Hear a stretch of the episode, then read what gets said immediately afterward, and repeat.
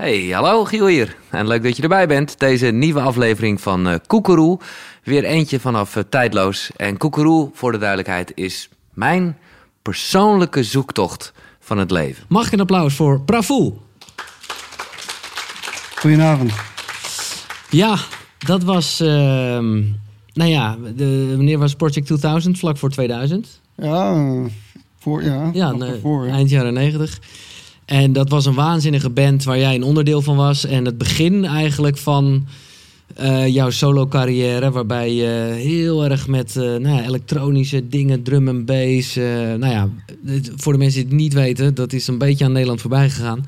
Fucking nummer 1 in Amerika. Hij heeft gewoon 70 weken lang in de billboard gestaan. Nou, dat, dan doe je goede zaken. maar ook bij hem kwam er op een gegeven moment een soort inzicht, een, een, een, een verandermoment ook. Eerst eventjes naar de naam, want de naam is al, uh, ja, is al heel erg nou ja, spiritueel. Het is in ieder geval Sanskriet. De, de, de, wat is het ook alweer? Bloei of zo? Praful betekent bloeien, ja. ja. Sanskriet. Dus ergens. Uh, Eigenlijk heb ik twee namen: Gyan, Praful. Gyan is uh, wijsheid en Praful is uh, bloeien. Dus ja, ja. Flowering wisdom. Oké. Maar jij ging dus uh, heel vroeg eigenlijk na je studie. Nou ja, eerst eventjes. Je ging naar uh, Amsterdam. In je, het was je in de twintig of zo, denk ik? ja, ik kwam naar Nederland met 23. Ja. ja, daar ging je studeren. conservatorium, saxofoon, fluit. Ja. En daarna ging je naar India. Dat is tenminste, vind ik al best dat ik denk, hoezo ging je naar India? Nou, ik heb vijf jaar uh, zeg maar in die molen gezeten van een jazzconservatorium. En um, ik had een heel sterk gevoel van binnen waarom ik muziek wilde maken. Um, alleen ik was niet echt een goede muzikant toen ik daarmee begon. Dus ik wilde het leren. En toen ik uit het conservatorium eruit kwam en daarmee klaar was, kon ik eigenlijk alle muziek spelen die er bestaat. Alleen ik wist niet meer waarom ik eigenlijk muziek wilde maken. Oké. Um, dus dat was ik in, in, in die drill om dat allemaal te leren. En om heel veel verschillende stijlen onder de knie te krijgen. En zo. in, in dat hele proces ben ik mezelf heel erg kwijtgeraakt. Oké. En, uh, en ja, het was zeg maar. Om daar nog dieper in te gaan, een langer verhaal. Maar ik heb ook, ook als kind. Uh, al vroeg mijn vader verloren. Dus al okay. vroeg overleden in mijn kindheid en zo. En ik heb een hele lange periode ook gehad waar ik heel opgesloten zat. En ook weinig kon voelen. Mm -hmm. En uh, toen ik klaar was met conservatorium was er een moment waar zeg maar, heel veel dingen tegelijk instortten. Toen al gelijk. Oké, okay, ik dacht dat dat ja, later pas een beetje kwam. Maar was, nee. Ja, dat was de eerste keer. Ja, ja, ja oké, okay, de eerste keer. Dus, dus, van, en, dus maar dan nog steeds eigenlijk de vraag, ik snap het dan iets meer, maar hoe komt dan India? Nou, ik, ik, ik zag gewoon heel veel angsten in mij. En uh, uh, ik had ook geen studiebeurs meer. Mijn vriendin ging weg. En uh, dus alles, ja, alles gleed zo een beetje weg. En ik had gewoon het gevoel, ik heb even een plek nodig waar ik um, hulp kan krijgen om um, weer tot mezelf te vinden. En een beetje weer erachter te komen, wat wil ik eigenlijk en wie ben ik? En, uh, en ook een beetje uh, bewuster te worden van die angsten en daarmee om leren gaan. Ja. En toen uh, wist ik toevallig van een plek in India van een, een, spirituele meester die toen al overleden was. Maar, Osho? ja, Osho. En die had daar een ashram. En ik wist dat je daar en uh, therapieën kunt doen en kunt uh, leren mediteren en ook muziek kunt maken. Ja. En ik denk dat die combinatie was heel goed voor mij. Want um, uh, omdat ik nou eenmaal muzikant ben en mijn passie daar naartoe gaat, mm -hmm. had ik dus de kans om in dat proces wat ik daar aanging, um, want ik ben daar de eerste keer negen maanden gebleven, om in dat proces ook meteen uh, muziek te maken. En daardoor kon ik ook um, weer wat geven, maar. via de ja, muziek ook weer terugvinden naar dat wat ik kwijtgeraakt was. Waarom ik eigenlijk uh, met muziek bezig ben. Mooi, maar toch ook even dan persoonlijk en, en, en daar mediteren. Wat, wat, wat bracht het je en, en, en ja, hoe, hoe ging dat? Nou, Ik denk dat het, eh, dat het wel echt mijn leven gered heeft. Want ik, ik weet niet hoe lang ik nog vol eh, gehouden had anders.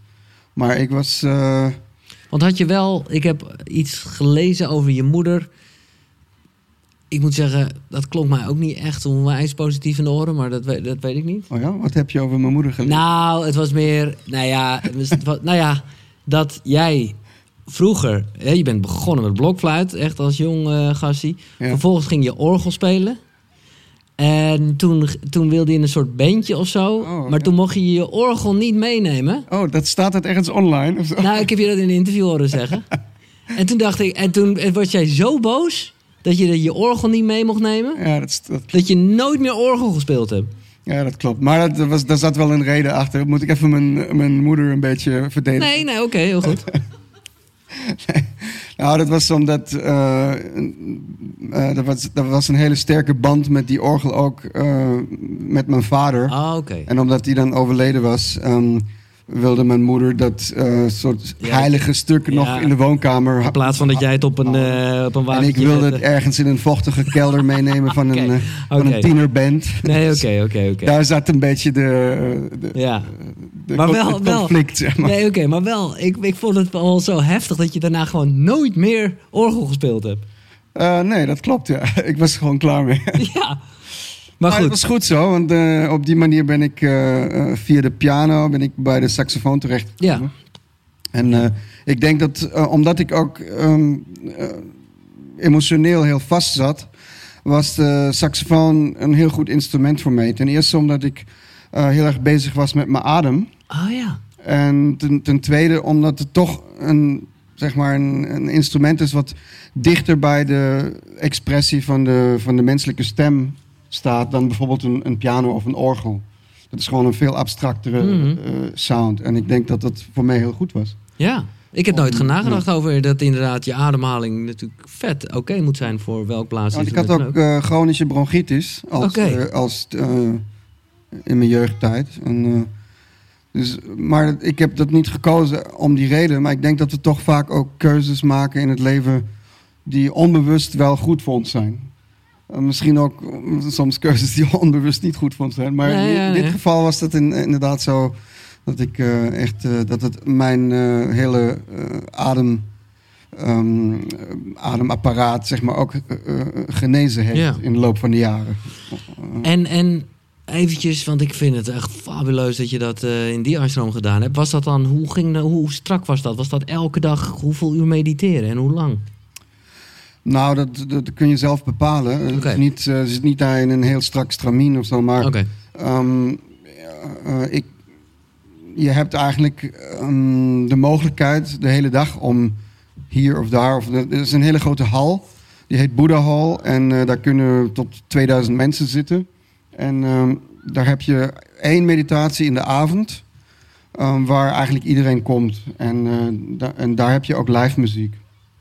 En voor de rest ehm, kun je het eigenlijk een beetje zelf invullen. Je kunt dus een soort therapiegroep eh, volgen daar. En dan ben je een paar dagen of een week of zelfs drie weken... ben je dan in een bepaald programma. Oké. En, eh, en dan doe je alleen dat. En soms houdt het in dat je ook eh, in silence bent... Buiten, buiten de tijden dat je in de groep bent. Vond je dat moeilijk? Ik, ik eh, vind dat nog iets. Ehm, nou, moeilijk weet ik niet. Ja, het is altijd, zeg maar, het vraagt een beetje courage om, om zeg maar, bepaalde dingen ook onder ogen te, of toe te laten. Mhm. om, om dingen, want er komt ook heel veel pijn omhoog. En, Ja. ehm, ik, ik geloof, ik had altijd een bepaalde lijdensdruk nodig in mijn leven om dan ook genoeg courage te hebben om ook er tegenaan te gaan. Zo. En anders had ik denk ik nooit iets veranderd in mijn leven. Nee. Dan, eh, dus eh, een beetje pijn eh, is, is een goede katalysator. Ja, zo is het. Dat absoluut. Oké, heb je daarna meditatie gewoon in je dagelijkse routine gehouden sinds, sinds nou ja, wanneer was dat? 92 dus, dat je daar naartoe bent gegaan? 90, ja. Ehm,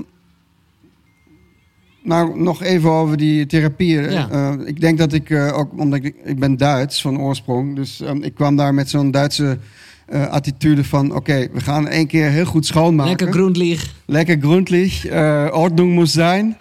En dan zijn we daar klaar mee. En zo kwam ik een beetje mijn eerste therapiegroep binnen. En, ehm, maar dan heb ik heel snel, had ik trouwens, mijn eerste therapeut was een Nederlander. Oké. Ehm, maar eh, dan had ik dus heel snel eh, had ik begrepen dat het eh, daar helemaal niet om gaat. Het gaat Nee. niet om, om iets op te ruimen of iets kwijt te, te raken. Maar het gaat er gewoon om, om zeg maar, beter, meer van jezelf te begrijpen eigenlijk. Om gewoon de dingen die nog een beetje onbewust zijn en die onbewust gebeuren, om, om daar gewoon wat meer licht in te brengen. Nou, dat En- is wel gelijk een, om die dan mooie ook les. te kunnen omarmen. Ja. Weet je? En Het daar gewoon steeds beter in te eh, zijn. Dat loslaten, dat gebeurt vanzelf wel, maar daar moet je niet mee bezig zijn. Het gaat meer om het eh embracen, om het gewoon toe te laten. En dat, dus, ehm, en dat is eigenlijk een proces wat nooit ophoudt. Dat, dat Nee. kun je je hele leven doen. Dus je bent daar niet... je wordt niet één ochtend klaar. wakker Nee. en je denkt van... oké, ik ben daarmee klaar. Nee, nou goed, wel dus als een wijzer mens teruggegaan naar Nederland. Maar heb je toen dat mediteren volgehouden? Was dat gewoon een routine geworden? Ehm, nou, ik moet zeggen dat voor mij meditatie eh, op een gegeven moment meer iets is geworden wat een soort kwaliteit is, wat je mm, brengt naar dat wat je doet. En of het nou is dat je zit, Nee, precies. het helpt wel om te zitten soms, om gewoon eh, met je aandacht eh, naar, de, naar de basisfuncties te gaan, naar je adem en gewoon naar een soort rust in jezelf te creëren. Maar ehm, ik denk niet dat. Ja, het, voor mij is het meer iets dat als je de kwaliteit van eh, aanwezigheid Exact. ehm, brengt in wat je op dit moment doet, dan maakt het eigenlijk niet zoveel uit wat je doet. Nee. Dus jij kan dat ook heel goed eh, combineren, om het zo maar te zeggen, of zijn terwijl je muziek maakt. Nou, precies. Dat is dus een van de redenen waarom ik dus, en dat, daar zijn we mee begonnen, waarom dat ik kwijtgeraakt was waarom Ja. ik muziek maak. En voor mij was dat dus een heel eh belangrijk, zeg maar, kwaliteit in de muziek. Dat, voor mij is muziek niet in eerste instantie vermaak, Nee. maar meer eh, een soort eh, deur naar een andere dimensie. Die moeilijk te omschrijven is in woorden, maar met muziek nog een beetje eh, te bereiken. En je Nee, kunt een soort eh, stilte en een soort space creëren met, eh, met muziek, muziek, waarin mensen dan iets kunnen ervaren in zichzelf. Ja. Wat ik ook in mezelf ervaar op hetzelfde moment. En dat, dat vind ik heel mooi. En misschien heb ik mijn hele leven wel. Ergens wist ik wel dat, dat ik die gave heb in mij. Maar ik heb het niet vertrouwd. Nee. Ik wilde eigenlijk zo zijn als iedereen. Zoals iedereen die jong is, wil eigenlijk zo zijn als iedereen. Mhm. Want eh, je wil vooral niet te Opvallen. Nee. anders zijn. Nee, en, nee. eh, ik dacht, ja, oké, ik moet eh, muziek maken, ik moet, ik moet werken, ik moet geld verdienen. Ja. En ik heb dus jarenlang alles gedaan wat je kunt doen om geld te verdienen met muziek. Nou ja, dat is goed gelukt. Want nou ja, nogmaals, je ging terug in Amsterdam. Beetje eh, samba, Braziliaanse dingen en zo. Nou ja, je had inmiddels de naam Pravoel genomen. Toch die... die nou ja, het was, was weer een beetje duidelijk waarom je muziek gaat maken. Nou ja, dan komen we bij Project 2000 en dus Pravoel Solo. Ja, toen ontplofte het in positieve manier. Want hè, wat ik al eerder zei, nummer 1 in Amerika. Ehm, nou ja, dan zitten we zo 2001, 2003. Wat is er gebeurd dat jij in 2006 toch een soort ommekeer maakte? Ben je te, te veel verdronken in het sterrendom? Of, eh, Mm, nou, ik had wel de hele tijd, eh, sinds ik dan terugkwam kwam uit India, had ik de hele tijd een beetje zo twee eh, sporen die tegelijk gebeurden. Ik speelde ook al ehm, regelmatig op festivals zoals dit. Oké, oké. Echt zeg maar conscious gatherings. Ja, oké. Maar ik, ik had ook nog heel sterk zo'n droom in me. Ja, ik wil het gewoon, ik wil gewoon succes hebben in de wereld. Ja. Ik wil gewoon door de wereld ehm, zeg maar herkend worden Ja, en eh, geaccepteerd worden. En dat was een hele lange tijd waren dat een beetje twee dingen die niet helemaal eh, in één samenkwamen. En ehm, met eh, wat ik, daar moet ik ook bij zeggen dat ik vaak in die, zeg maar, noem het maar even spirituele wereld, mhm. bij gebrek aan een beter woord. Maar ehm, daar had ik vaak met mensen te maken die vanuit een hele mooie plek muziek maakten. Echt diep vanuit het hart en vanuit de stilte. Maar die vaak ehm, slechte muzikanten waren. oké. Om het maar even Ja, kort nee, door de bocht te, te zeggen. Ja, ja. En ik was gewoon getraind als jazzmuzikant. Ja. eh, vijf jaar op eh, een van de beste scholen ja. eh, in, in de wereld. En ja, dan heb je een bepaald een muzikaal niveau. En dat mijn muzikale ambities die, die werden soms niet fulfilled Nee. In deze wereld. Eh, terwijl ik, als ik met hele goede muzikanten speelde, dan miste ik soms heel erg diepgang. die diepe connectie Ja, in het ja. hart. En ook, zeg maar, ehm, de, die space van dat je niet altijd hoeft te laten zien wat je allemaal kunt. Wat ook, zeg maar, als je een hele goede muzikant bent, dan is de, ehm, zeg maar, de verleiding is heel groot om Een beetje te showen, dat een dan ook, beetje... dat dan ook de hele tijd te laten zien. Snap ik. Dus ehm, ik miste in beide werelden een beetje wat. Dus eh, voor mij waren dat twee dingen waar, waar ik eh, verschillende kanten van mij kon uitleven. Ja. En hoe kwam dat dan samen uiteindelijk? Nou, een, een tijdje was het dus zo dat ik ehm, eigenlijk ehm, voor mij van binnen was het heel duidelijk dat ik die, eh, Die ja, die eh, gave waar ik ja. het net over had. Ja, ja, ja. Dat, dat voor mij de muziek meer was dan alleen maar vermaak. En dat er een be- bepaalde andere intentie eronder zat. Alleen, ehm, ik had mezelf heel vaak in situaties eh, gezet waar ik daarmee heel alleen stond. Dus eh, uiteindelijk, eh, zeg maar, op de, op de climax daarvan was ik bijna nog alleen maar op tour in de Verenigde Staten. En ik had een hele grote staat om me heen van mensen die allemaal voor en met mij werkten. Maar waar ik uiteindelijk het gevoel had, die begrijpen eigenlijk helemaal niet waar het Nee. over gaat. Waarom Je was gewoon een commercieel product. En, eh, Dus ik had management en booking Ja, ja, ja. agencies, ik had record label in Los Angeles en, en, en die hele shit. En op een gegeven moment wordt het een vrij groot apparaat mhm. als je veel onderweg bent. En, ehm, maar ik was dan dus bezig om mensen dingen uit te leggen waar ik dacht van ja, waar, waar ben ik nou mee bezig? Ik, ik weet nog dat ik één keer eh, kwam een manager met een ehm, eh, aanbod om in Guantanamo Bay te spelen. Eh, dus in dat, in dat eh, Ja. gevangenenlager op Cuba van de, van de Taliban, waar ze de Taliban en zo ingestopt hebben. En ehm, het was gewoon een very well paid job. En, maar wij hadden daar toch wel morele kwesties bij. Ik, met ja. de hele band. Ik had trouwens toen een percussionist in mijn band die in Iran geboren was. Oh. Ehm, dus ja, dan, ik weet niet. eh, dat, wij hadden dus dat besproken in de band. We hadden gezegd van. We zouden dat alleen doen als we niet alleen maar voor de soldaten spelen, maar ook voor de. eh, Precies, voor de gevangenen. Ja, nee, oké, dan heeft het wel iets En moois ehm, nou, ja, dat was natuurlijk een belachelijk voorstel van onze kant.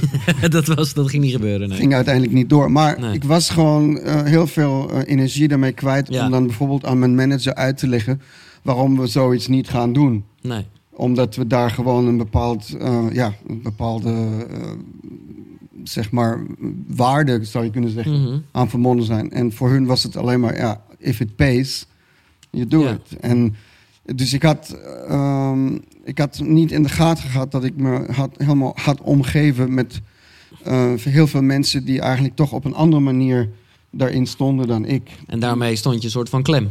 En dan stond ik op een gegeven moment zo klem en ik voelde me zo alleen. En ik werd ook steeds vaker ziek eh, al toen ik daar was. Dat ik echt eh, het gevoel had van... eh daar klopt gewoon nog iets niet met de intentie die ik Nee. neerzet, zeg maar. En ik zag, dan, ik zag eigenlijk geen andere manier om gewoon van één dag naar de andere alles te stoppen. En gewoon helemaal opnieuw te, te zoeken en te beginnen. Want als jij zegt ziek, ja, ik ben gewoon nieuwsgierig hoor. Wat, waar heb je het over dan? Ehm, nou, ik had dus een zware eh, longontsteking Ja, op een gegeven moment. eh, toen ik had, eh, laat, een van de laatste dingen die ik gedaan had, was een, een jazz cruise. met allemaal Ah, ja, ja. leuke muzikanten uit Amerika. Dan ging je van San Diego naar Mexico. Voor Echt wat van die dingen die ik ken, die Dave zo'n Koster zo hele luxe Oh my God. een cruise liner met 3000 mensen. Maar het was allemaal heel decadent. En Ja. ik weet niet, het, ik, Het niet. voelde het gewoon niet Nee. meer. Weet je? Nee. Ik, kon, ik kon het gewoon niet meer voelen. En ehm, ja, als je het niet voelt, dan moet je gewoon, eh, je moet gewoon bij je hart blijven. Ja. Ik bedoel, als je iets doet als muziek en, en je raakt je passie kwijt, wat heb je dan nog? Dan heb Ja, je toch ja. niks meer. Ah, mooi man. eh, dat je dus daar op een gegeven moment wel aan de bel getrokken hebt. Of althans, de hele shit een beetje hebt opgeblazen. Het was wel natuurlijk, eh, het was echt een stap. Het was een van de moeilijkste dingen misschien die ik gedaan heb. Om, want ik zat gewoon, ik zat met, op die boot met George Duke. En met allemaal, zeg maar, gasten waar ik in mijn jeugd naar opkeek. En Ja. die ook echt coole muziek maken. Weet je. Ja. En dus ik, eh, het was ook echt wel een, eh, iets wat ik moest loslaten. Maar ik, ik ben toch mijn hart gevolgd. En eh, ik heb er geen spijt van. Nee. Want toen, nou ja, zitten nu ongeveer 2008. Toen kwam je ook met het album Where Spirits Live. Mhm. En dat was, nou ja, dat was voor het eerst dat het hand in hand ging met, met, nou ja, toch zeg ik het ook maar weer even, het Ja. spirituele. Ja. Ja, kijk, eh, er zijn natuurlijk altijd verschillende elementen die samenlopen. En ik zat ook nog een beetje in, in een soort innere strijd van... ja, maar eh, als je nou echt dit doet, wat je hart je roept... en je gaat zeg maar helemaal deze wereld in... maar kun je daar ook van leven? Uh-huh. Want dat is natuurlijk ook nog een ding. Dat is, eh, als muzikant, zo ook, je moet ja. ook ergens van leven. Dus ook die trust, eh, zeg maar, te verdiepen... dat ehm, als je dat risico neemt en er helemaal voor gaat... dat het dan ook wel goed komt Ja. Die trust die moest ik ook nog eerst weer nog verdiepen. Weet je? Mhm. Dus het was een beetje een proces. Maar ik zat in die tijd inderdaad wel te zoeken naar eh, wat ga ik nou verder doen. En ehm, ja. eh, En wat ik vooral mooi vind, het is een beetje projectie eh, vanuit mezelf dat ik dat vraag, hoe, hoe je daar overheen bent gekomen. Want jij zegt net ook, er zat ook nog een stukje daarvoor, een stukje van erkenning in. Hè? Zo van, hè, het is daarom ook meer toch maar die popwereld, zou ik maar zeggen, waarin je heel erg die erkenning krijgt. Hoe heb je daar, eh, want ja, je kan daar alleen rust in krijgen op het moment dat je gewoon meer met jezelf connected bent, meer van jezelf houdt, denk ik. Nou, die, die herkenning die had ik wel gehad door dat eh, succes daar. Nee, tuurlijk, maar dat kon je voor wel nummer zeggen. één hits en dat soort Nee, ja. dingen. En, eh, maar dan zie je ook dat ehm, wat het van buiten belooft, als je het van binnen voelt, eh, m- misschien niet hetzelfde Dat nog In steeds dit- leeg is, In dit ja. geval voelde het gewoon ineens heel leeg. Ja. En, eh, je zit gewoon elke avond ergens in een hotelkamer. Ja. En ehm, soms weet je nog niet eens meer in welke stad je bent. En. Nee, maar hoe zorg je ervoor dat je die erkenning dan ineens... Ja, bedoel, ik snap dat je de leegte ervan gezien hebt. Nou ja, ik wilde gewoon, eh, ik wilde gewoon een, ehm, een meer meaning eh, Ja. creëren voor mijn eigen leven. En eh, ik had er ook, een relatie, maar opeens was ik, had ik een affaire met mijn zangeres. Oh, classic. Die met mij in Amerika toerde, een Braziliaanse vrouw. En toen was mijn relatie uit in Nederland. En weet je, eh, het is een beetje de classic eh, Ja. Ray Charles eh, film, weet je. Precies. Het is echt zo. Nee, het is gewoon ja. moeilijk, want je bent gewoon de hele tijd onderweg en je voelt je ook vaak heel alleen. En ehm, ja, je zoekt ook warmte daar waar je bent. en Ja. Dus- tuurlijk. Maar het is heel moeilijk om, een, om zeg maar dingen ehm, op te bouwen die wat, wat langer bestand hebben, Mhm. Zoals relaties. Dus in Wanneer, deze tijd eh, leerde ik ook ah. mijn partner kennen die ik nu nog steeds heb, in Ja. 16 jaar. Vet. Ehm, dus ik heb daar ook een soort ehm, patroon doorbroken in die tijd. Weet je? Dat, dat, En jullie vonden elkaar ook in het spirituele, toch? ja, we zijn elkaar ook op zo'n soort festival in Zweden tegengekomen. Ja, oké. En, eh, en zij had ook natuurlijk eh, soortgelijke interesses en was ook hiermee bezig. Dus we zijn ook eh, heel lang gewoon eh, het hele jaar rondgetrokken. Ah, dit samen gedaan. ja.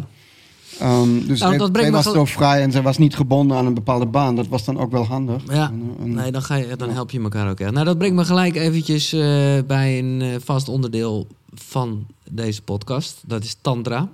En nou ja, jij maakt een album dat heet Breathing Love. Nou, dat, dat ademt in alle opzichten Tantra. Is dat iets wat je met haar in die tijd ook ontzettend ontdekt hebt? Of was dat al iets wat je... Ja, ja zou ik kunnen zeggen, ja. Alhoewel misschien eh, wat later, maar... ehm, ja, eh, ik denk dat de hele tantra movement ehm, is, is pas een beetje later zo groot geworden. En, Maar kan je uitleggen wat het, wat, het, wat het voor jou is en wat het voor jullie betekend heeft of voor jou? Nou ja, ik speel dus toevallig eh, best wel vaak ook op eh, tantra gatherings en festivals.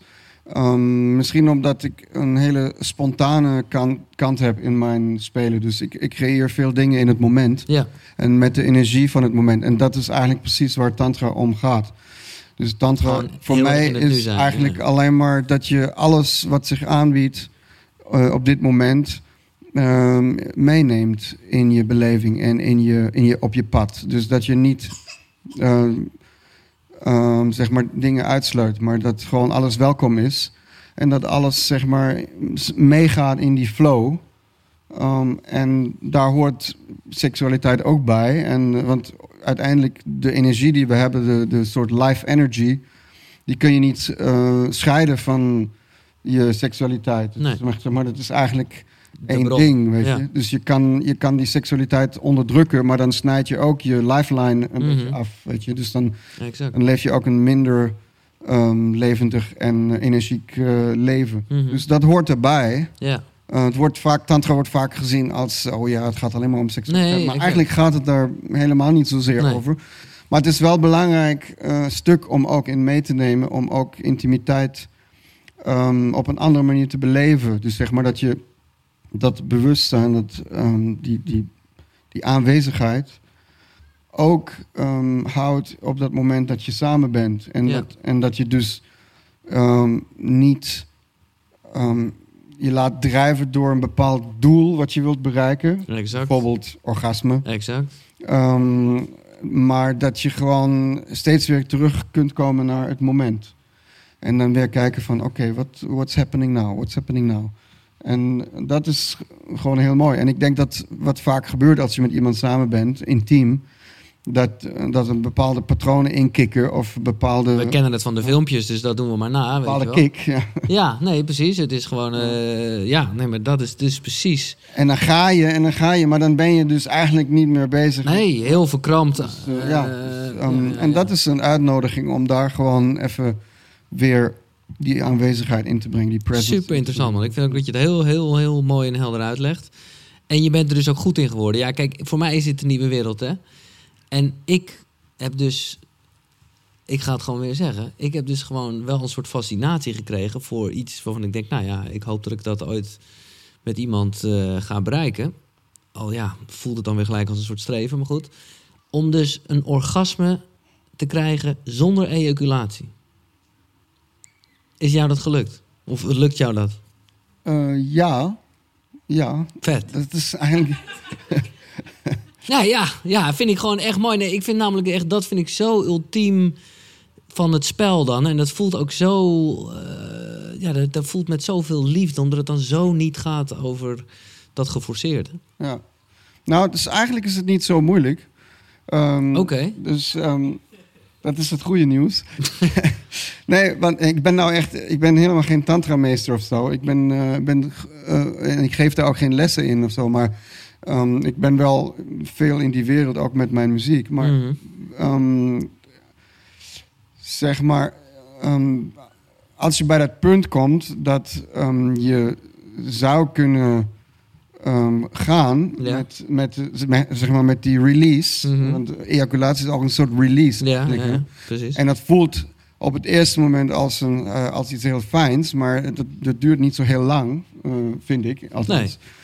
Ehm, en eh, ja, dan ben je eigenlijk een beetje moe en zo. En, dus, ehm, maar als je dat punt, als je voor dat punt stopt en je weer een beetje tot rust laat komen en dan, en dan weer doorgaat, maar op een manier dat je niet dat punt de hele tijd opzoekt. Nee, oké, je moet het juist niet de hele tijd op die grens balanceren. Nou, je moet niet dat punt opzoeken waar je net ervoor Nee, bent. zo, want Nee, dat, nee. dat is dan heel vervelend. Dan is een soort frustratie, Dan ja. wordt het ook weer, eh, ja, dan, dan is het heel erg eh, krampachtig of zo. Maar ja, ik vind, ja, ja. Wat, wat, zo, zo beleef ik het, dat eh, als je dat punt voorbij gaat op een gegeven moment. eh, Zo van, het hoeft niet. Als je een beetje doorgaat met het, met het, eh, met, met je het samen zijn met degene waarmee je bent.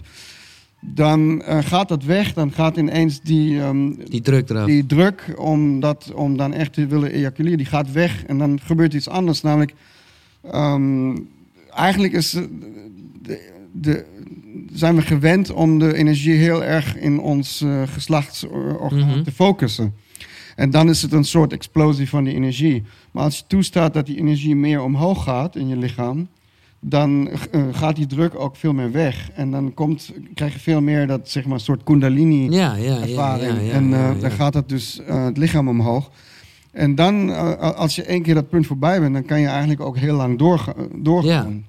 Want dan eh, blijft het eigenlijk. eh, maar dat is een veel zachtere golf dan dat. Maar je voelt dan wel, want wat is, wat is dan precies nog een orgasme? Of is dat, eh, dat is dan mij, mij een beetje onduidelijk? Nou, ehm, het, misschien niet orgasme in de zin zoals jij het Nee, gewend dat is bent. het. Nee, dat is het. Maar het is wel een, een hele sterke, zeg maar, energy experience. En, eh, en dat is wel heel mooi. Het is alleen niet zo lokaal. Het is Nee. meer een soort eh, Totaal beleving. eh, omnipresent. ja, ja, ja, ja. ja, wat ik dan krijg is dat, dat gewoon je lichaam begint te, te schudden of te, Ja, ja, ja. te keren of dat soort dingen. En als je daar de ruimte voor hebt dan, op dat moment, eh, afhankelijk van in welke positie je bent. Ja, ja, ja. Maar dat, dat is heel fijn, want dan, je kan dan ook, ja, het, is gewoon- het gaat gewoon heel diep ook. Hè. En, maar dat wil dan niet eh, zeggen dat je niet op een ander moment ook gewoon weer dat, nee, dat snap ik. Dat een, eh, Ooit dat nee, tuurlijk, tuurlijk. tuurlijk. ontspanning kunt eh, creëren. Want dat, dat, wij doen dat ook. Ik bedoel, Ja. ik doe dat ook. Het, Ja. eh, maar het ene sluit het ander niet uit. Exact. Dat- Dus het is meer een soort verrijking van je mogelijkheden, zou ik zeggen. Ik had nooit gedacht dat ik het op deze manier met jou over een fluit zou Ja, hebben. dat, eh, ik had ook niet verwacht dat je mij dit soort dingen gaat vragen. Nee, maar ik vind het echt. Ik, ik, ik, ik ben heel blij met je eerlijkheid. En je hebt me weer echt een stap verder gebracht in deze. Nee, maar ik vind echt. Hoe meer mensen dit horen, hoe beter. Want ik kan het niet vaak genoeg zeggen. Maar wij worden gewoon. En, en eh, nou ja, zeker ook jonge mensen en zo. die echt best wel in een open-minded wereld opgroeien. Hè, waarbij yoga, mediteren en ademhaling, dat soort dingen. Nou, hoop ik en denk ik wel iets meer gemeenschap zullen zijn dan toen wij zijn opgegroeid. Alleen als het gaat over seks, is dat nog zeer beperkt. En is dat alleen maar nog wat voorhanden is. En, en zijn het dus hele, ja, hoe zeg je dat, stigmatiserende filmpjes. Eh, en denken mensen dat dat seks is. En dat is dus echt zonde van iets dat toch, nou ja, wat ik wel heel mooi. En, en ja, om het even heel groots te maken, wel iets goddelijk vind. Nou, het is één, één mogelijkheid en één aspect van seks, zou ik zeggen. Ja, ja, ja zeker. Ja. Maar het is, eh, ehm, ja, je kan ook elke dag patat eten. eh, als je Exact. niet weet dat er nog veel meer lekker Nee, eten nou ja, bestaat. dat is precies dat. Precies dat. Eh, maar laten we het over andere spirituele dingen hebben. Want jij bent natuurlijk, nou ja, doordat jij dus inderdaad al langere tijd op die verschillende festivals, retraites en zo bent. Ik neem aan dat je ja, ook wel, eh, ja, hoe zeg je dat, bijzondere dingen hebt meegemaakt. Hoe, eh, als in, ik weet niet of je dan zelf ook nog de tijd neemt op een festival als dit om een ademhalingssessie bij te wonen. Of, of hoe, hoe ja, Ja, soms, soms wel. Eh, niet, niet zo heel veel, maar ik ben wel vaak betrokken bij dingen en bij andere artiesten ook. Meer Ja, ja. In, het, in het muziekveld. Maar ja. ja, we waren gisteren met onze dochter hebben we een eh, krachtstok gemaakt. Ja, oké. En, eh, Ja, en dan maken we dan meteen eh, alle drie een krachtstok. Dus Ja. met, met z'n drieën, weet je. Dus dat is. nice. mijn dochter, die is acht en die vindt het ook super leuk, dat soort plekken. Ja, die is een beetje opgegroeid met allemaal met dit soort mooie mensen Ja. die in hun hart zitten en die gewoon heel open zijn. Dus Zijn er nog mensen in jouw omgeving geweest die, die dit allemaal niet begrepen? En die dachten, yo, wat ben je allemaal aan het doen?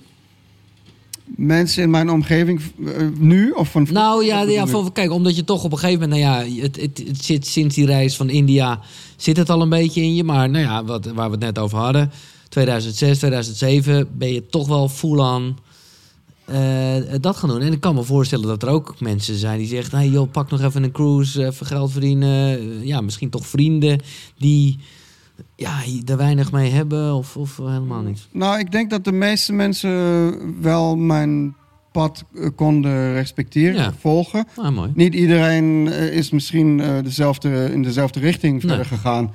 Dus er zijn wel, zeg maar, weggenoten, hoe zeg je dat, Mhm, mhm. uit die tijd, die nu, waar ik nu niet meer zoveel te maken heb. Nee. Ik heb toen eh, natuurlijk ook bij een label gezeten in Amsterdam, bij Bart Timble. Ja, ja, zeker, ja. En eh, met producers gewerkt, met Adani en Wolf. Ja, Ehm, en veel gewerkt. En, eh, en ja, die, die zijn nog steeds eh, hele vrienden. diere Ja, ja, ja. vrienden.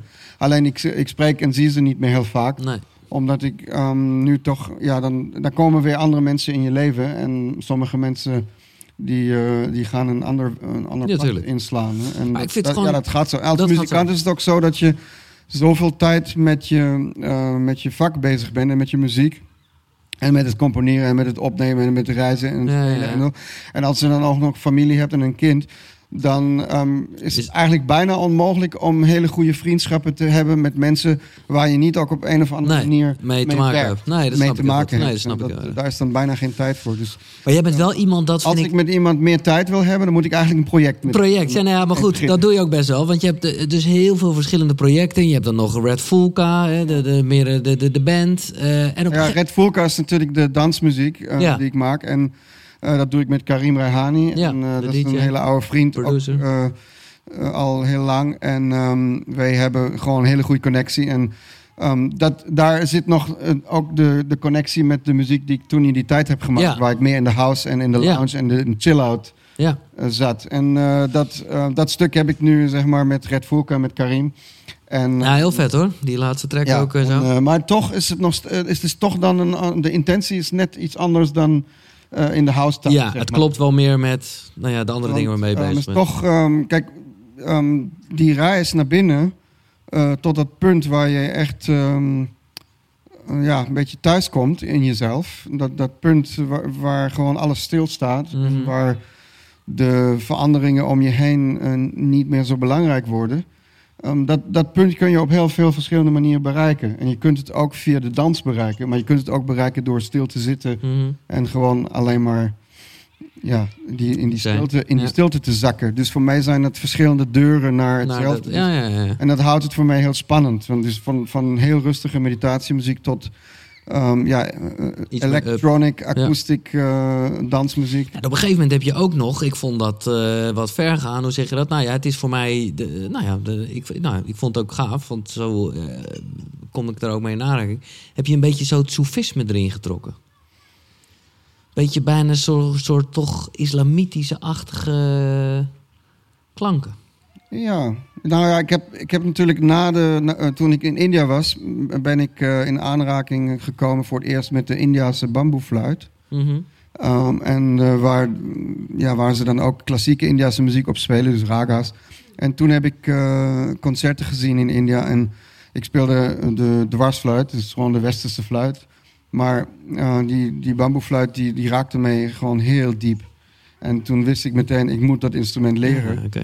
En eh, omdat je eh, eh, sommige instrumenten die bij een bepaalde cultuur horen, kun je niet leren zonder ook de muziek te leren die Nee, erbij hoort. nee, precies. Ja, dus als je saxofoon wilt leren, is het gewoon het beste als je ook jazz Ja. speelt. Want dat hoort gewoon heel erg bij elkaar. Ja. En met, de met de bamboefluit was het gewoon de Indiase muziek. En toen ben ik dus ook nog zo Indiase muziek gaan studeren. En ik had een, een Oh, leraar in, in. Bombay. En ben daar ook een paar keer geweest. En in Rotterdam trouwens ook. Ehm, dus daar zat al een hele sterke eh, invloed ook van Oosterse, Ja, zou je ja, zeggen. Meer India's, maar eh, ja, ook ehm, muziek uit, eh, zeg maar, uit de ehm, Arabische wereld ehm, raakt me enorm. Nee, ik vind ook, maar het is heel anders er natuurlijk. zit iets heel tonen. mystieks ook ja, in. ja, En, ja, eh, ja, zeker. eh, ook dat heb ik eh, op een gegeven moment ben ik ingedoken en verwerk ik ook in. Ja, super vet hoor. Didgeridoo doe de laat voor mij. Even los van de muziek. heb ik jou gevraagd om na te denken over drie boeken die jou op welke wijze dan ook in jouw, jouw tocht, zal ik zeggen, hebben geïnspireerd. Ja, toen, eh, toen ik dat hoorde vanmiddag, eh, moest ik heel erg nadenken. Ja, Want eh, ik ben al heel lang niet heel veel met eh, boeken bezig, moet ik zeggen. nee, oké. Het laatste boek wat ik begonnen ben was eh The Time Bender van Tyne. hey, leuk. En, maar ik heb het nog steeds niet af eh, uitgelezen. Oh, En het ligt al, eh, ik weet niet, eh, een paar Ah, maanden naast ja. mijn bed. maar goed, het is toch leuk om hem te noemen. Nee, maar ehm, eh, de- ik, er zijn wel een paar boeken geweest die belangrijk eh, zijn Ja? geweest voor mij. Eh, maar ik, op een of andere manier moest ik er onwijs over nadenken. Want het is echt, boeken zijn een Way beetje back. op het achtergrond Nee, eh, gekomen. Maar goed, welke heb je bedacht? Maar het was, er was in ieder geval één boek van Osho. voordat ik überhaupt ooit daar naartoe kwam. Mhm. En daar had mij iemand zo'n boek in, in de hand gedrukt. En dat was nog in de jaren tachtig. En ehm, dat heette My Way, The Way of the White Clouds.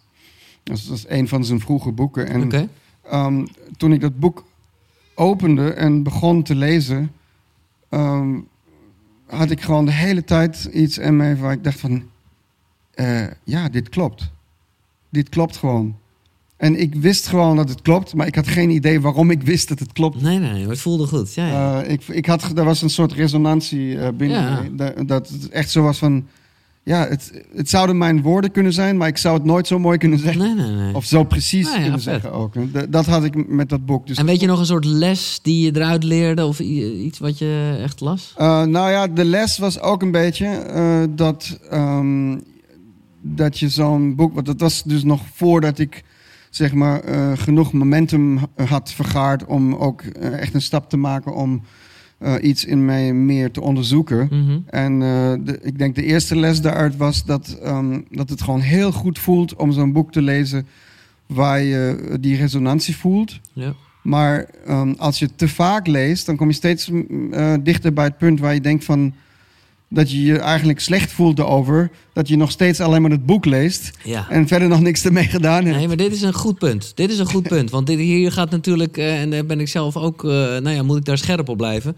Dat je niet alleen maar bezig bent met lezen en dan denkt, oh ja, zo moet het, zo moet het, dit, dit is goed. En dat dat verder geen connectie heeft met je echte leven zelf.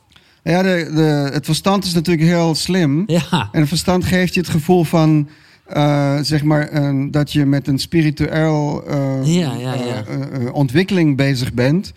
Maar tegelijkertijd, eh, het verstand houdt niet van verandering. nee, Dus ehm, het houdt het ook op zo'n afstand dat het gewoon niet gevaarlijk wordt. nee. Dus dan dat Dus het een, ego eh, toch helemaal dat onder boek- controle heeft. Een boek is nog relatief veilig, want Ja. het zijn gewoon letters op Ja. papier. En je kunt het gewoon heel vaak lezen en het kan on- onwijs inspirerend vinden. En, ehm, Ja, en, ja, en toch eh, eh, kun je het eigenlijk eh, nog zo houden dat je gewoon alles nog je eigenlijk dan- zo houdt als het is. En de verandering is alleen maar mentaal, zeg maar. Ja, ja, ja. Maar intellectueel. Ja, En, ehm, mooi. Maar op een gegeven moment schiet je er toch niet zoveel mee op. Nee.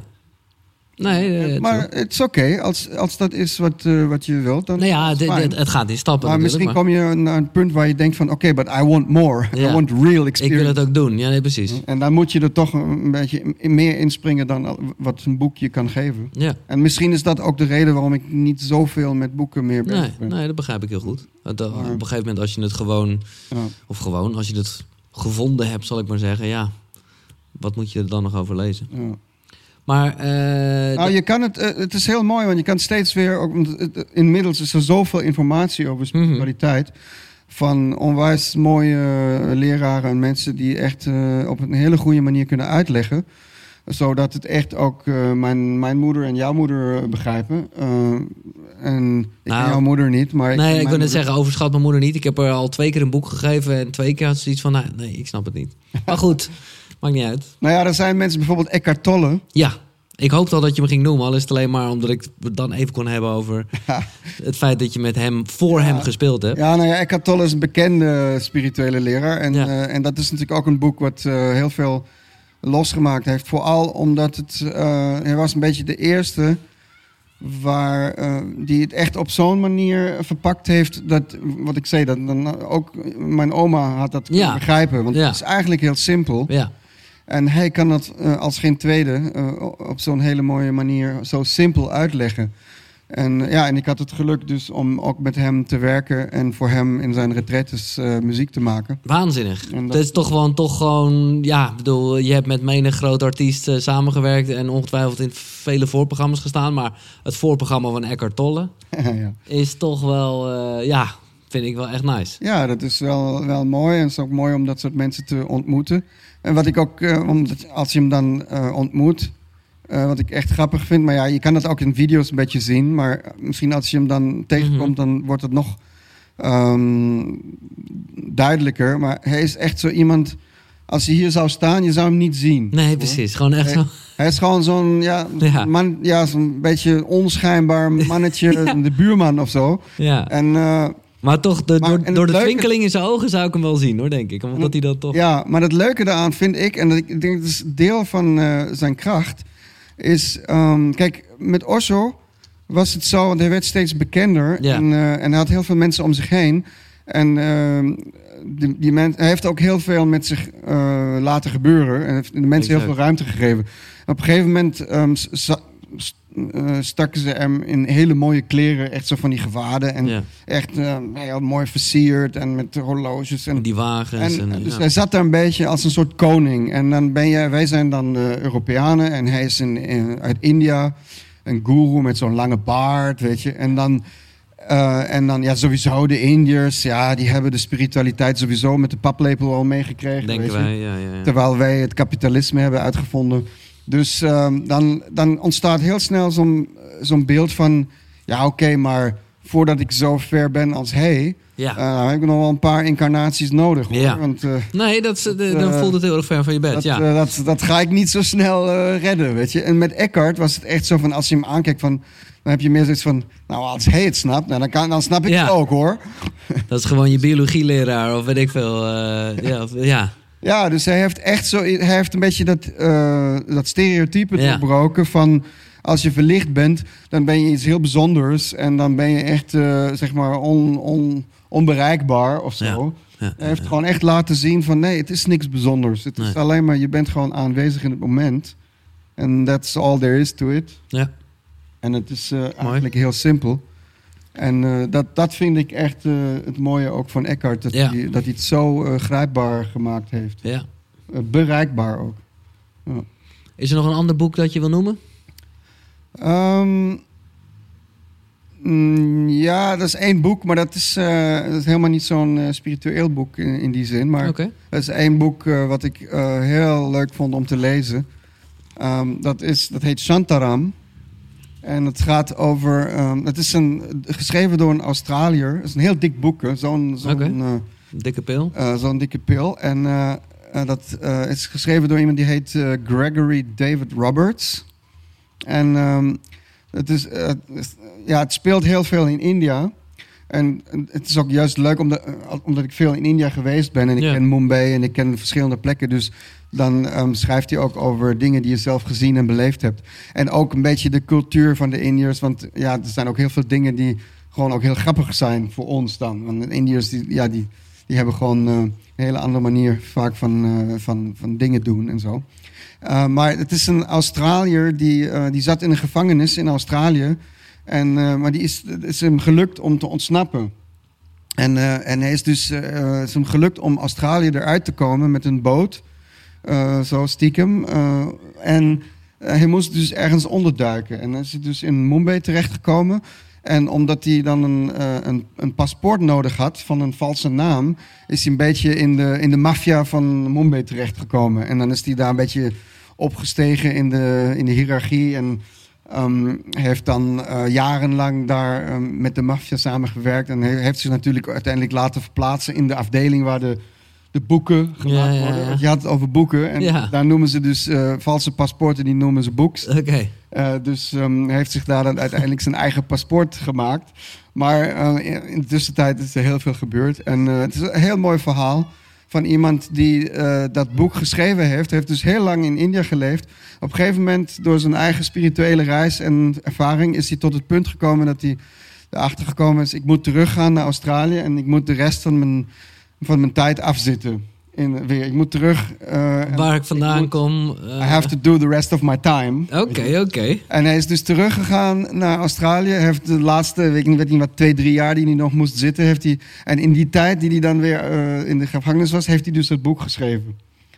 En, eh, en, dat, en daarna is dat dan uitgekomen van, van dat hele ding. En dat eh, is gewoon een leuk. supermooi eh, boek. En vooral als je al een keer in India geweest bent, dan is het echt, Hm. herken je ook heel veel dingen. En dus, dus dat Nice. is wel... en toen, ja, toen ik daarover nadacht vandaag, dacht ik van ja, dat is echt een boek wat ik al twee keer heb gelezen en met heel veel plezier. Ja, ja oké. Is er nog iets ehm, wat jij graag zou willen bereiken?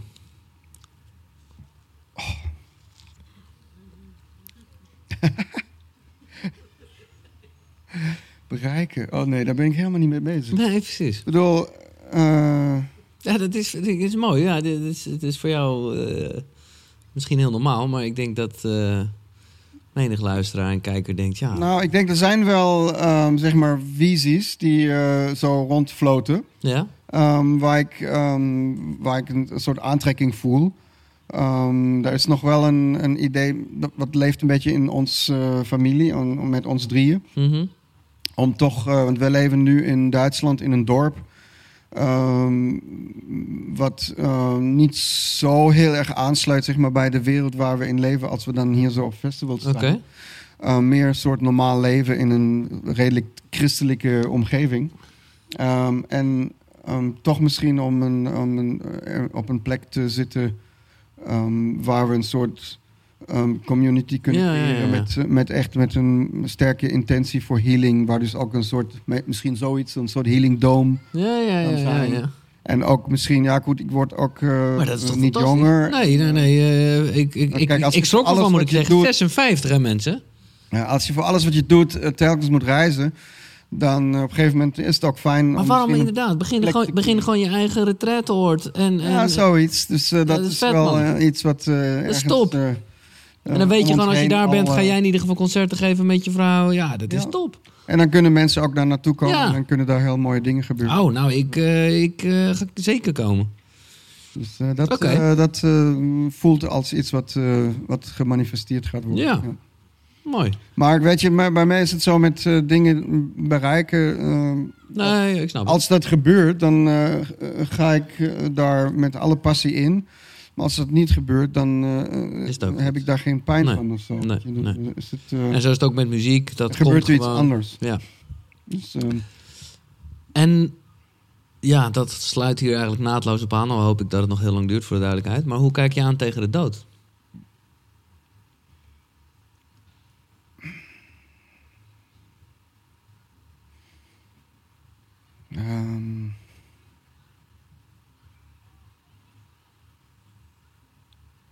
Nou, ik, ik, eh, ik heb wel de ervaring gemaakt ehm, op sommige momenten in mijn leven dat ik contact heb gehad met iets wat niet dood kan gaan.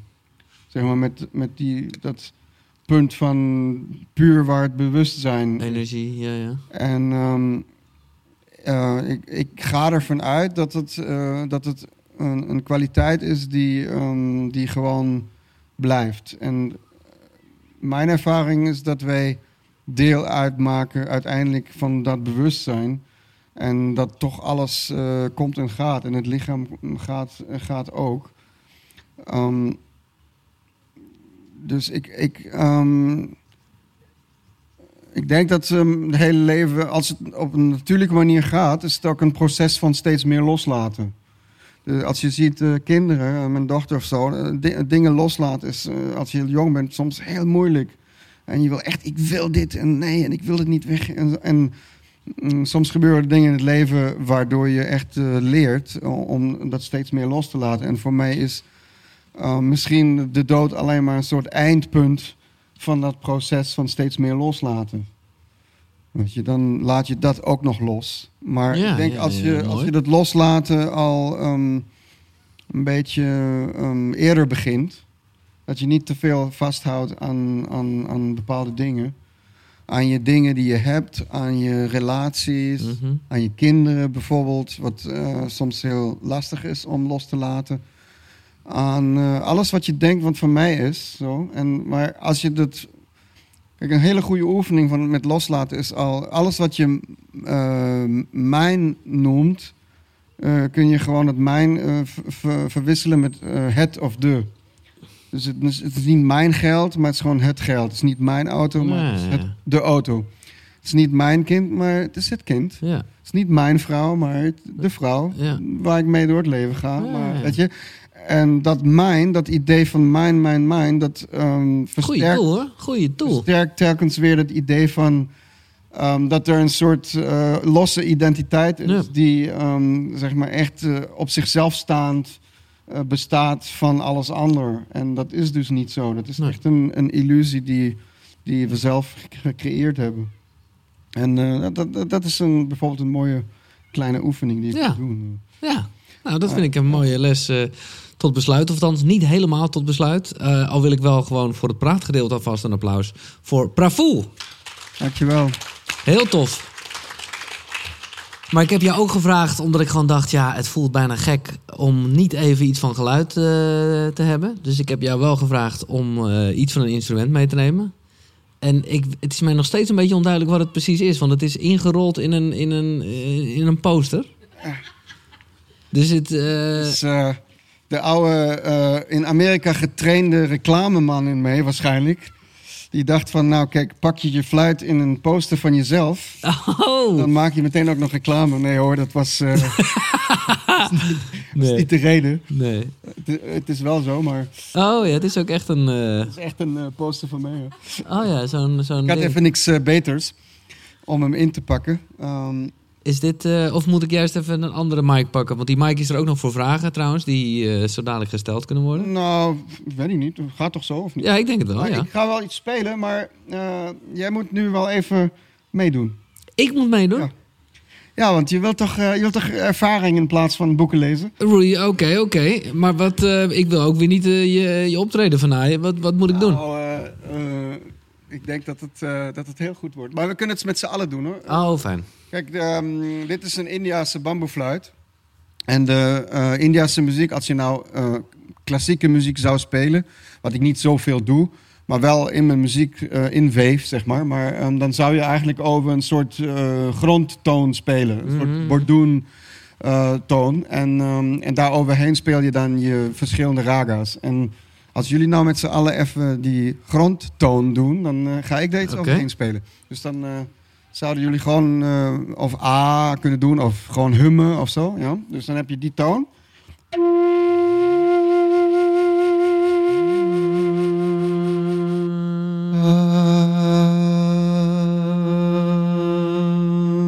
Als iedereen even meedoet, dan hebben we een, een, een, eh, non-stop toon. Dus eh, al- als je klaar bent, dan pak je hem weer op, oké? Ja, precies. Oké. Laten we dat proberen. Ja.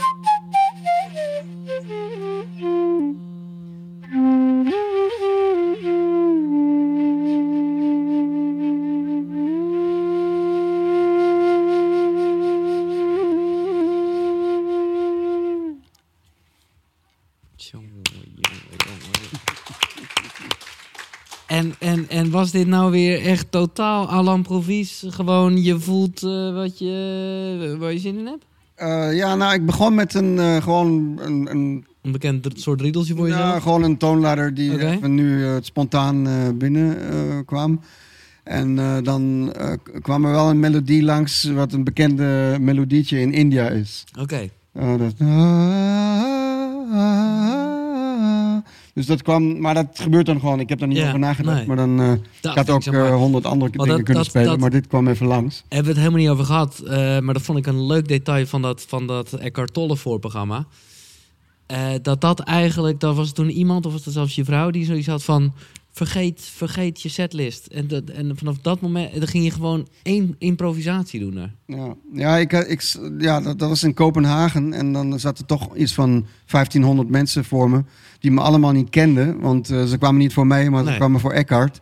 En, ehm, en ja, dat, dat was ik toch even een beetje zenuwachtig. Ik dacht van, oké, wat ga ik hier doen? Ehm, dan sta je daar met je fluitje, weet je. En, eh, ja. en eh, ik heb dan wel zo'n loop-pedaal waar ik mezelf kan opnemen terwijl Ja. ik aan het spelen ben. En Vet, daar creëer ik dan een soort lagen mee. En eigenlijk hele orkesten mee. En, ehm, maar ik had wel een soort bedacht, oh, ik ga een beetje dit en dit doen. En eh, net op het moment dat ik het podium op wil, eh, komt mijn partner naar me toe, Vimal, en zegt van... Just play from your heart. Don't think about what you're gonna do. Forget about, you know, just play from the heart. en, eh, Ja, en als je vrouw je dat zegt, eh, dan... eh, als- ja, ik, ik, ehm, voor mij heeft het een bepaalde gewicht als zij mij iets zegt. Want ik weet dat zij gewoon heel goed gevoel heeft Ja. over dingen. En dat ze vaak goed ligt met wat ze zegt. En dus ehm, ik stapte gewoon erop en op dat moment, ik wist het gewoon helemaal niet meer. Want ik, ik was gewoon helemaal blank. En, en al die 1500 mensen kijken me aan. En ja, en toen, ja, dan, toen begon, begon ik. eh, maar dat is eigenlijk de manier hoe ik eh, altijd muziek maak Ja. nu. En ehm, dat is ook een beetje de boodschap van Eckhart en van eigenlijk van elke authentieke spirituele leraar. Het, zeg maar, je hebt alles wat je moet weten, is al in je. Het eh, de, alle antwoorden liggen gewoon in je hart en in jezelf. En je hoeft niet, ehm, zeg maar, het volgende moment te anticiperen en op voor te bereiden. Je hoeft niet voor te bereiden op wat gaat er straks gebeuren en eh, hoe ga ik me daar presenteren, wat ga ik doen. Dus zeg maar, show up and as you are, you are enough. Dat is eigenlijk de, de, de diepliggende boodschap daarvan. En eh, in de muziek doen dat niet zoveel mensen, want je gaat toch, ja, je gaat optreden en dan ga je een hele show Nee, instuderen precies. en dan ga je die show zo afspelen. En eh, dat is ook oké, er is ook een plek voor, maar ehm, ik voel heel graag de energie van de mensen op dat Ja. moment in de ruimte en daaruit ontstaat dan iets heel unieks. Ehm, en eh, ja, dan is een show hier en ergens anders morgen is dan iets eh, heel Weer een ander moment, ja. Mooi, ik ben blij dat je dit nog even zegt, man. Zo inspiratievol vind ik dat. Echt eh, heel nice. Zijn er vragen? Zo ja, kom graag. Ja, dan stond u toch even van de bank af moeten komen. Heel graag. Eh, want dan eh, Oh, dat is een microfoon. kan ik het ook opnemen namelijk. Eh, stel jezelf even voor als u wilt. En dan eh, de vraag. Dag, ik ben Anneke, ik kom uit Delft. Misschien heb je het antwoord al wel gegeven, maar heb ik het er nog niet helemaal uit kunnen filteren. Helemaal aan het begin zei je van, ik wist niet meer waarom ik muziek maakte toen je van het conservatorium afkwam. Toen ben je allemaal op zoek gegaan, maar dan vind je jezelf toch weer terug in zo'n cruiseschip met jazz en op zo'n zo'n onheimische hotelkamer. En dan dient die vraag zich weer aan. Bij mij dient die vraag zich ook allemaal aan. Hè? Want waarom doe ik wat ik doe? Ja. Dat blijft maar komen. en het ene moment denk je dat je het weet, en het volgende moment ben je het weer kwijt. Mm. Ehm, wat helpt jou of wat heeft jou geholpen eh, in, in de zoektocht die je hebt gedaan eh, om dat antwoord op die waarom-vraag van hoe blijf ik trouw aan mezelf, eh, om, om die te beantwoorden? En daar ook even vast te houden en En ervoor te gaan. te houden. Nee, ik begrijp, En- ik begrijp ja? wat je zegt. Ja, ehm, nou, Blijven of eh, ga ik... Nou, ga maar zitten hoor. Tenminste, eh, ja.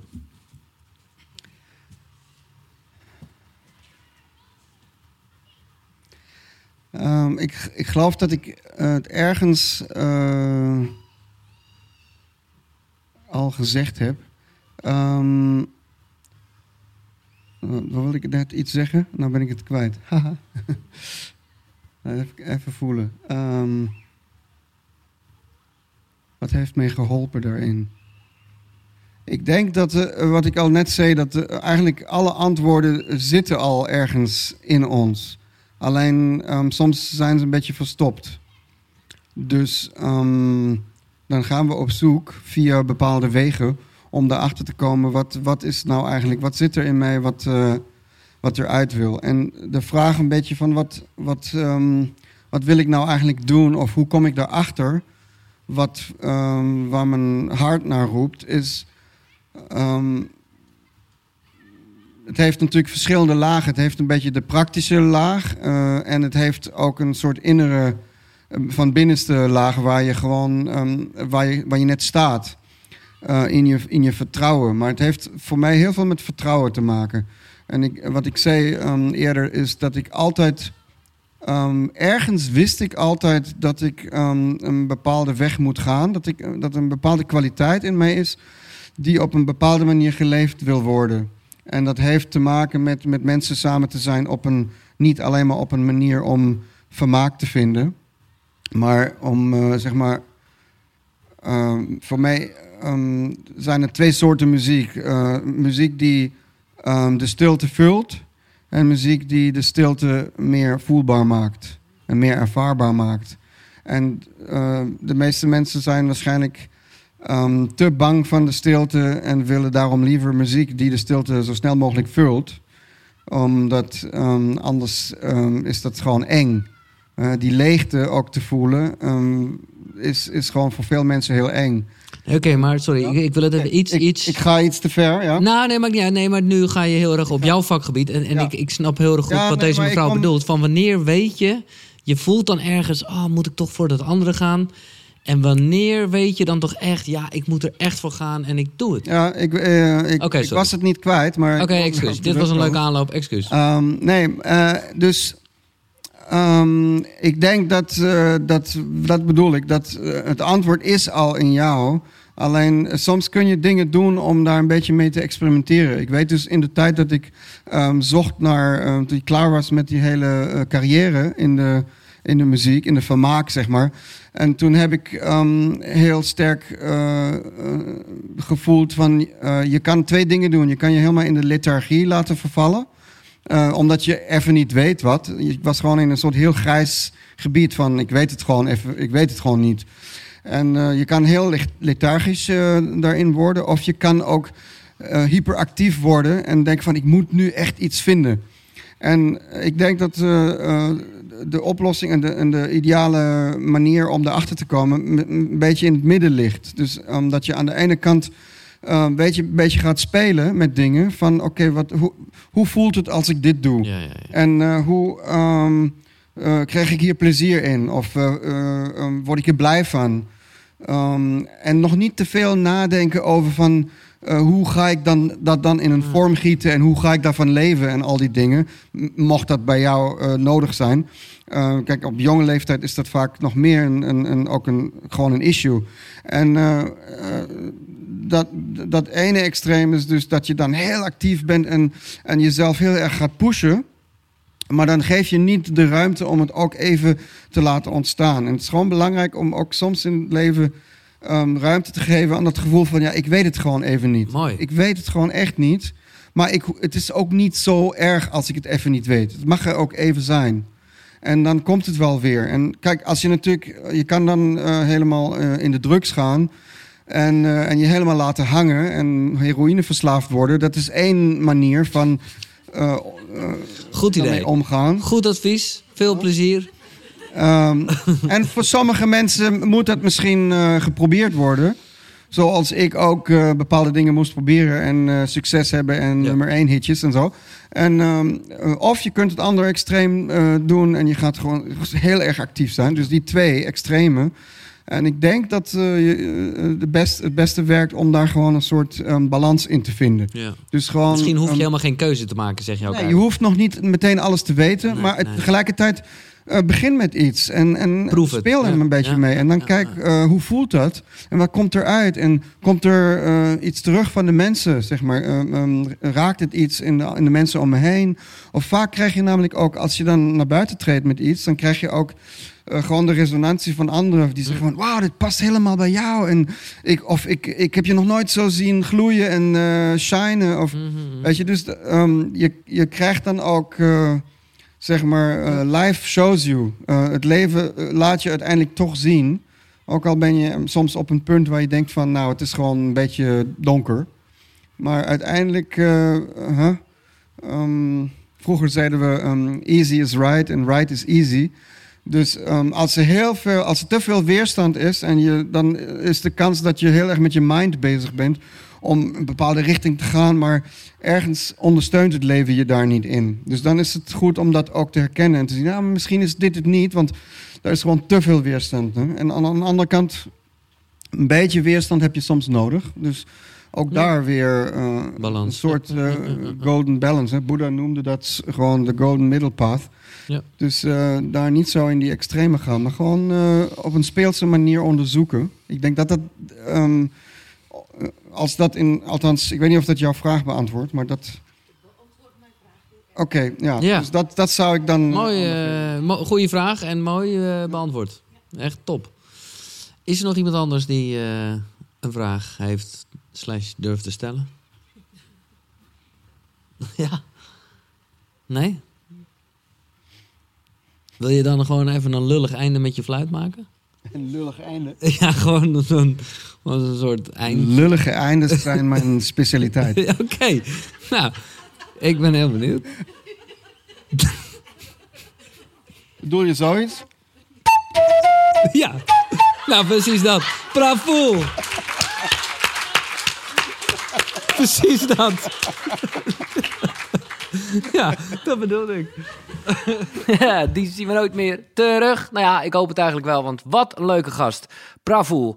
Ik hoop dat jij het ook leuk vond. Ik denk het wel. Anders was je niet zo ver gekomen, zou ik zeggen. Eh, doe even, als je wil helpen, een eh, review of wat sterren in ieder geval. Als je via iTunes luistert. Als je dit via YouTube checkt. Hallo, eh, doe even een duimpje omhoog of een comment onderin. Ik reageer meestal wel. En als je het via Spotify of welke podcastplayer dan ook luistert. Deel het even op je social media. eh, waar je dit luistert, wat je ervan vond. Eh, en tag me dan eventjes. Vind ik altijd leuk. At Giels, G-I-E-L-S. En natuurlijk, meer informatie vind je op de website. En dat is. Kukuru.nl, de website waar je nou ja, boekentips vindt, eh, iets kan winnen en natuurlijk meer afleveringen. Dus graag tot de volgende. Fijne dag. Zonnegroet. Hoi.